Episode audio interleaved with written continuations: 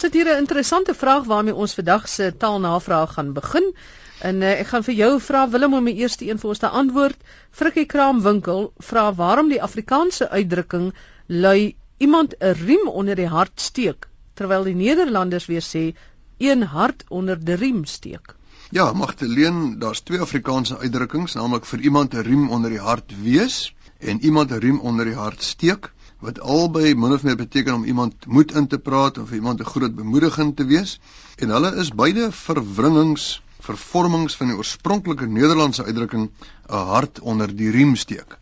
Nou 'n hart onder die riem steek is ontleen aan die soldatelewe van destyds.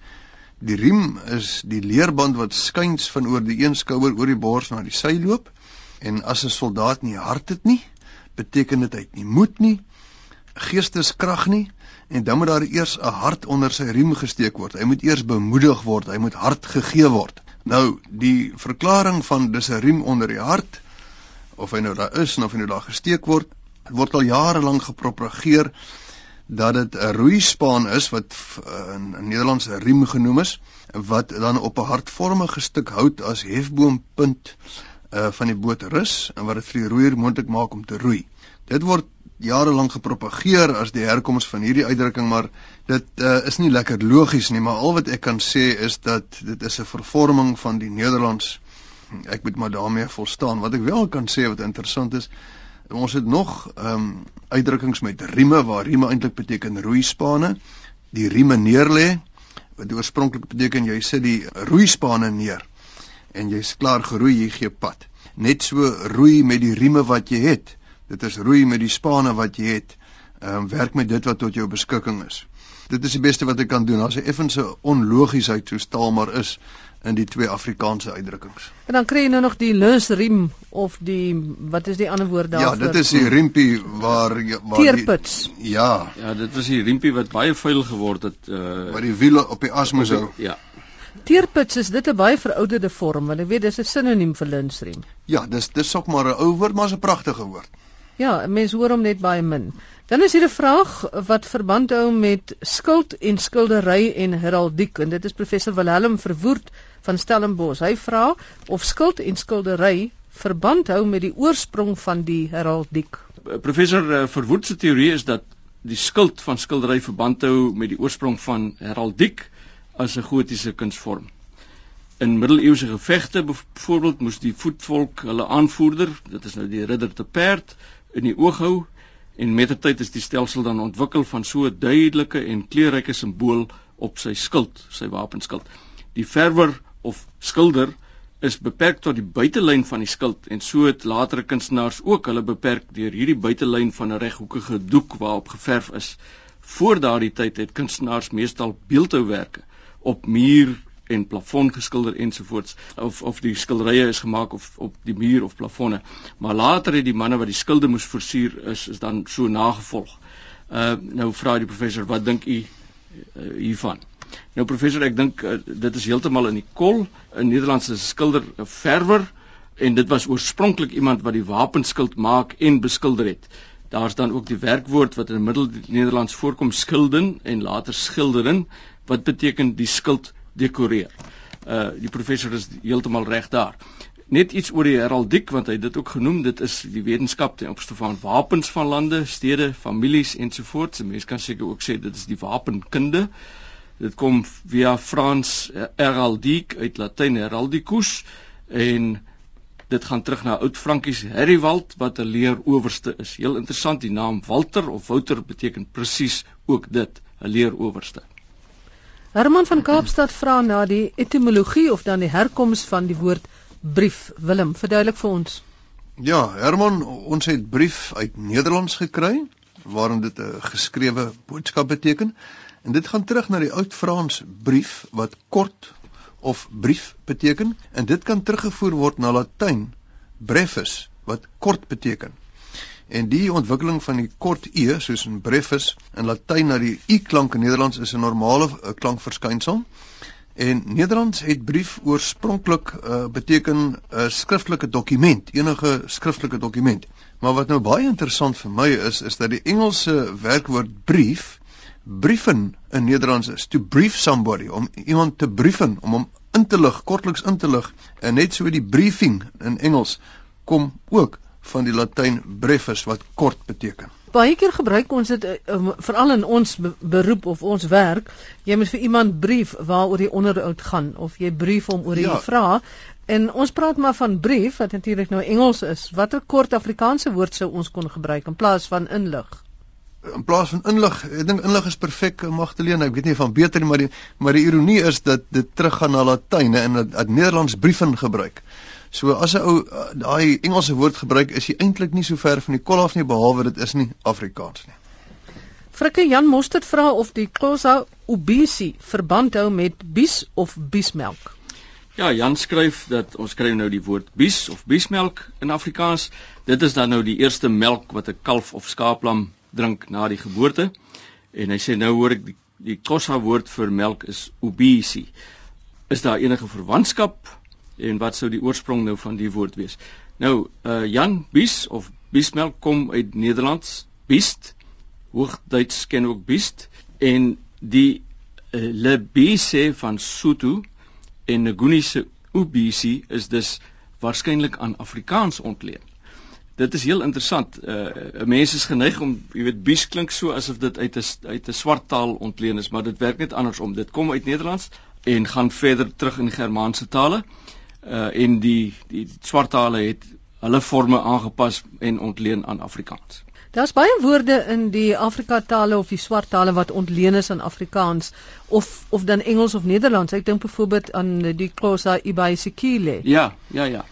En uh, jy weet my my skoonpa het altyd gesê nou hy het in Graaf net gebly. Hy het gesê baie keer uh, ek weet nie hoe akuraat dit is nie, maar uh, afhangende van die gebied waarin die die Khoisas woon of dit nou meer Afrikaans of Engelssprekende gebied is, het hulle gepraat van i hekkie vir 'n hek en 'n i gate.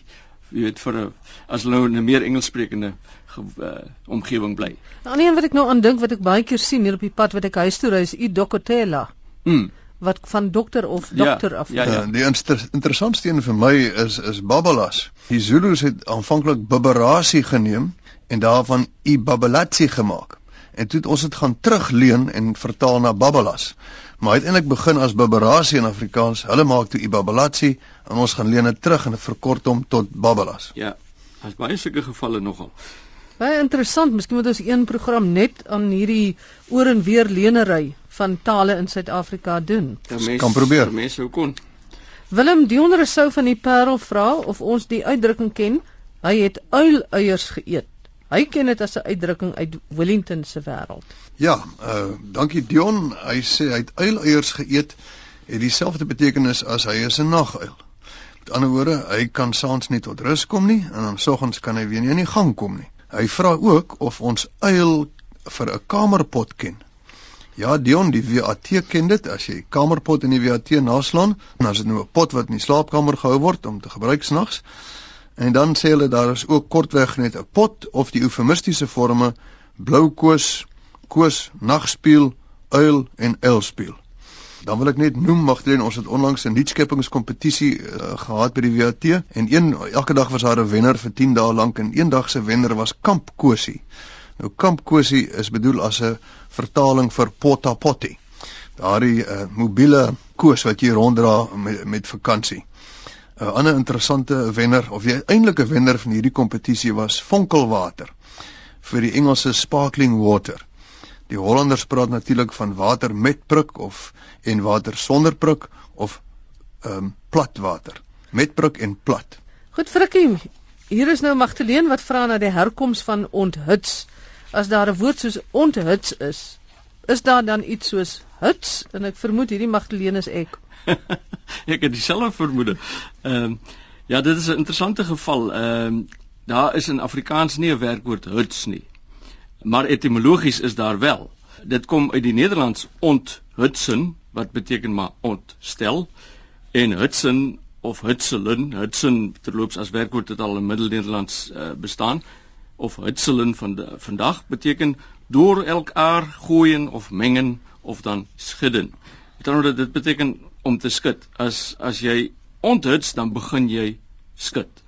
is as as ware of jy iemand gryp en sê jy weet dan begin skud en dan raak sy emosies ook te mekaar. Ontstel, ek het net ou gesê onthuts beteken min of meer ontstel en ontstel is nog so 'n geval wat jy dink maar is daar dan nou iets soos stel in Afrikaans? 'n Werkwoord so stel. Nou interessant genoeg daar is eintlik stel beteken laat word of maak. As jy byvoorbeeld tevrede stel, dan laat jy iemand tevrede word of jy maak iemand tevrede en ontstel is dan die teenoorgestelde daarvan. Jy neem dit weg. So kry mense ook gevalle soos ontluik. Om te luik beteken in Afrikaans, dit is 'n baie ou gebruik, maar dit beteken sluit of die luike toemaak. Ontluik is dan die teenoorgestelde daarvan, oopmaak as dit ware. En as iemand ontluik is dit asof jy weet die luike van hom afhaal en hier kan jy sien wat die persoon kan beteken. Ek het ook al gehoor dat mense verwys na huts as hulle die Afrikaans wil noem van daardie woordjie op die selfoon wanneer jy net nou moet druk #.50 of wat dit ook al is. Maar ek weet nie, miskien kan luisteraars vir ons laat weet of hulle die woord huts ken. Ja, en natuurlik hutspot. Willem Naomi van Logrenberg van Kuilsrivier skryf dat die woord opdus vir haar 'n negatiewe betekenis het. Maar nou hoor sy gereeld dat dit in 'n positiewe sin gebruik word.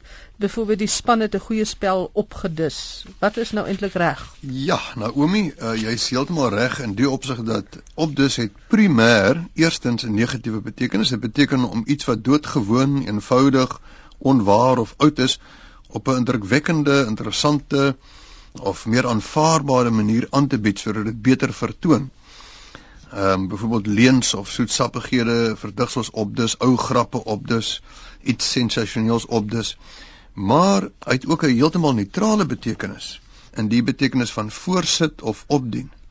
Uh, hulle het spek en eiers kom op dus. Is heeltemal normaal en is hierdie tweede betekenis van voorsit of opdien wat 'n uh, uitbreiding ondergaan het. En hy het 'n baie algemene oop betekenis gekry van lewer, voortbring, aanbied. En dit is wat jy nou hoor veral in in sportberigte is mense lief om dit te gebruik. Ek het bietjie gaan gaan soek in die uh, elektroniese argiewe van die koerante. Jy sal iets kry soos Pelle het gister steeds met groot lof gesels oor die tipe sokker wat die Spaanse span tans op dus. Of uh oor die algemeen gemeentelede is nie meer bereid om alles wat die teoloë Sondag vir Sondag vir hulle op dus vir soetkoek op te eet nie. So hy het oor die jare betekenisverbreding ondergaan en dit is nie verkeerd nie dit is maar net die woord het ontwikkel in betekenis en 'n breër betekenis gekry.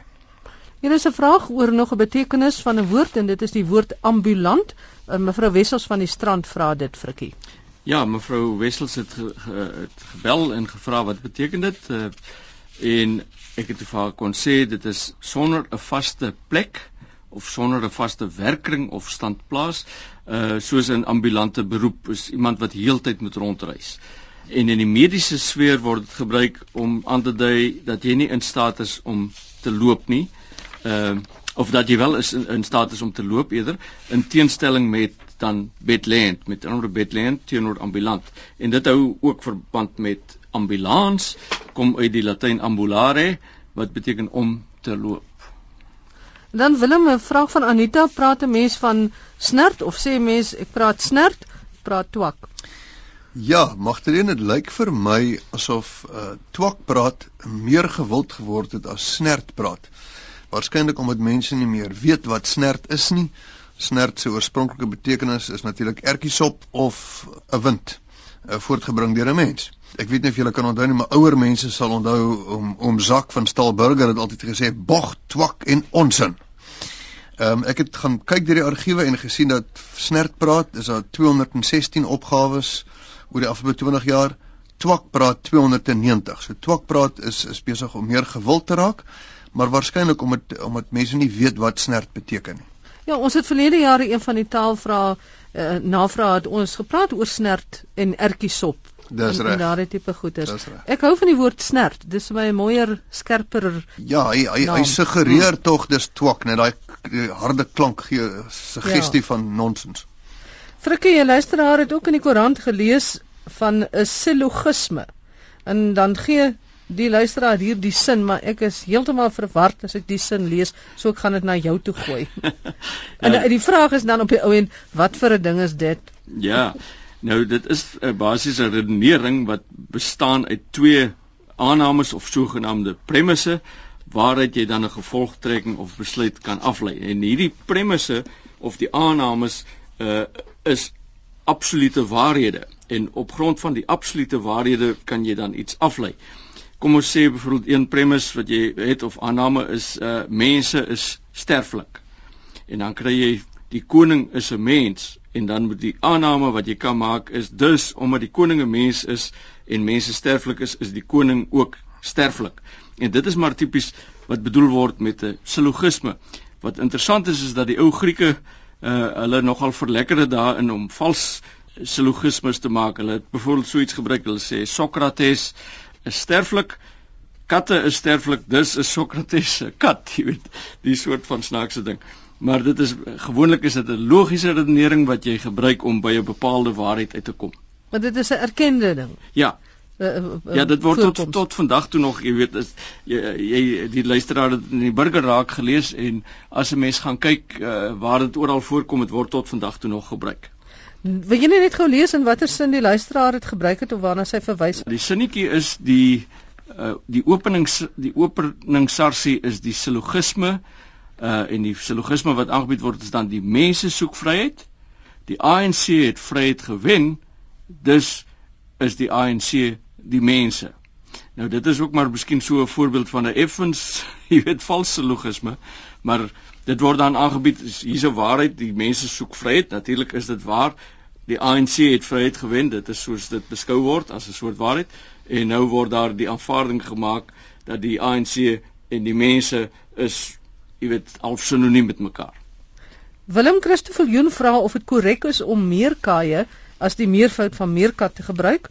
En dan het hy ook 'n vraag oor die herkoms van die woorde itermagol en skilpad. Maar sê net eers gou vir ons oor hierdie meerkaie. Christo, meerkat het eh, twee meervoude, naamlik meerkatte of in die geselstaal meerkaie. Maar dit is beperk tot die geselstaal. Itermagol het 'n klomp wisselforme. Itermagog, etemagol, etemagol, itemagol, itermagol ensovoorts. Nou die uh, woord itermagol kom waarskynlik uit die Tswana Magogo wat 'n muur is of Magogwe wat 'n ratel is. Nou die Itermago se eetgewoontes herinner aan die van 'n ertvark of 'n muurvreter en sy opbreek uh, van 'n muurnes in 'n manier waarop 'n ratel 'n bynes benader. En op grond hiervan uh, sê die etimoloog dat dit baie waarskynlik is dat Itermago uit die Tswana woorde kom. Skilpad is baie interessant. Uh, die Nederlanders het van 'n skilpad skild pad gepraat. En as jy die Nederlandse vorm sien, dan verstaan jy waar dit vandaan kom, skild plus pad. Die skild is aan die dop van die padda. Ag, ekskuus van die van die skilpad en die pad is padda, want die skilpad het vir hulle soos 'n padda met 'n skild gelyk. So dit is aan die die padda met die skild. Skild padda, uh, volgens die Hollanders. Nog so twee vrae voordat ons aan die einde van die program kom. Frikkie 'n luisteraar het onlangs weer die woordjie korswil raak gelees. Vertel 'n bietjie meer hiervan. Ja, uh, korswil ken ons uh, in die betekenis van dat jy 'n grap maak, grappies maak, uh, goedig, vluggies gekskeer, skerts of terg. Dit kan ook selfs gebruik word in die sin van uh jy weet iemand is te ligsinnig oor 'n ernstige saak, dan moet jy sê moenie nou staan korswil nie man, ons praat oor er, ernstige dinge. Uh hy het ook 'n wisselvorm korswel En wat heel interessant is is as 'n mens nou gaan kyk na die etimologie dan kom dit uit die Nederlands kortsweil en hoogtyds kurzweil. Middelnederlands het geken korten wat beteken verkort plus wile of weil dit is die tyd.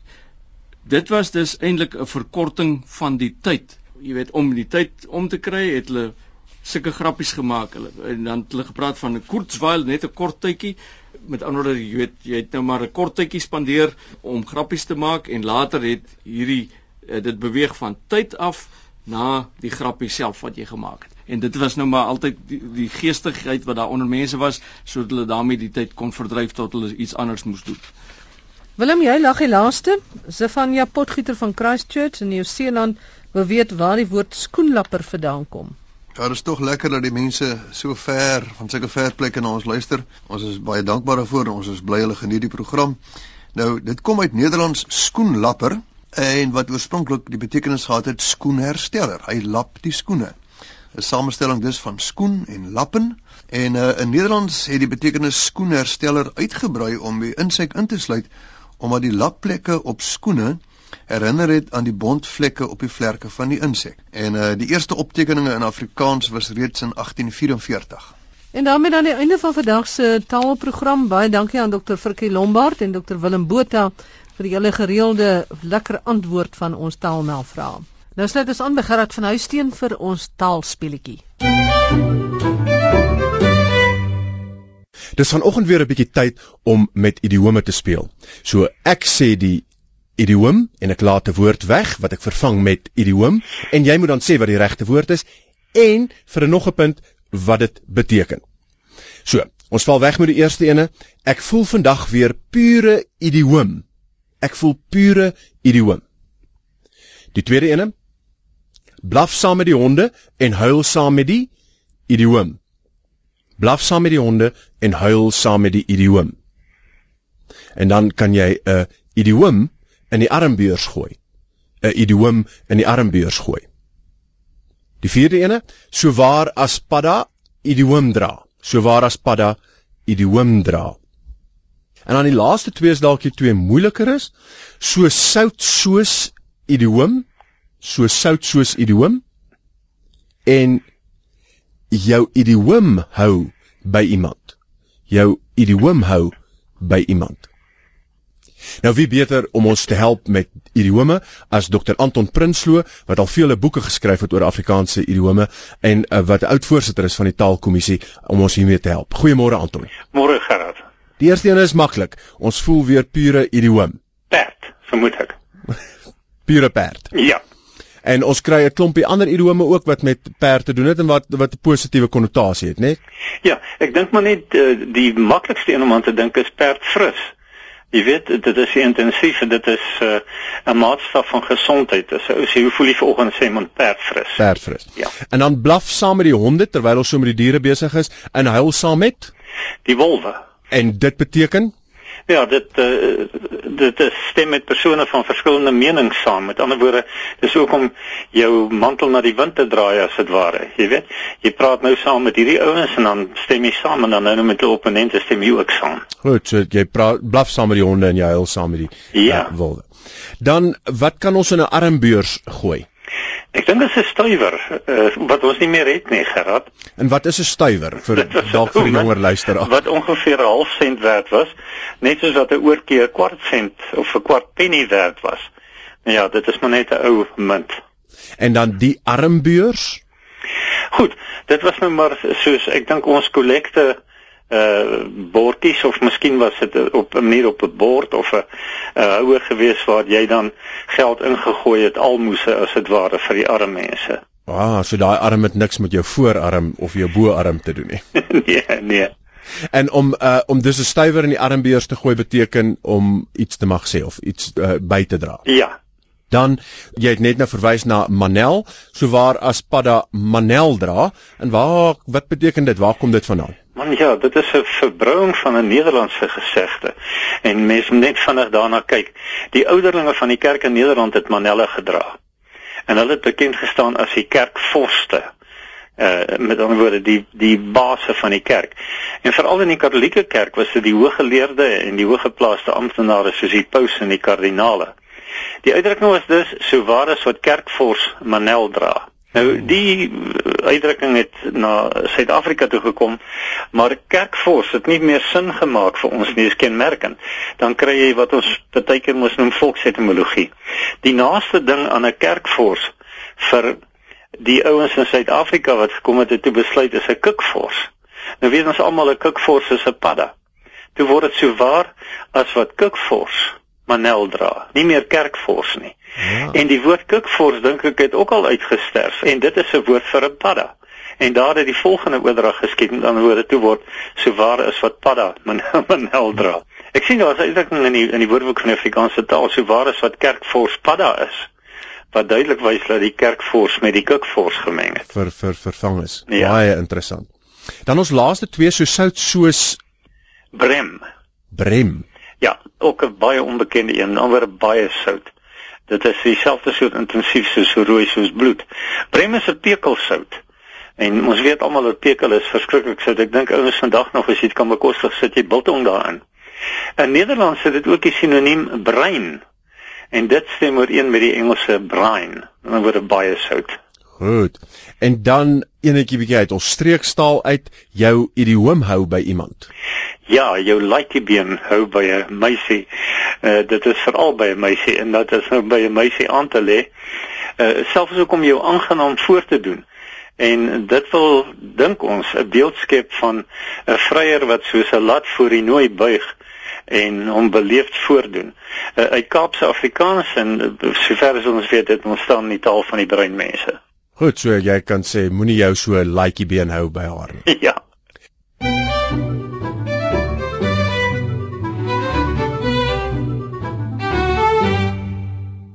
Dit was Gerard van Huisteen en Dr Anton Prinsloo oor idiome in ons taalspeletjie. Groete van my Magdalene Creer tot volgende Sondag.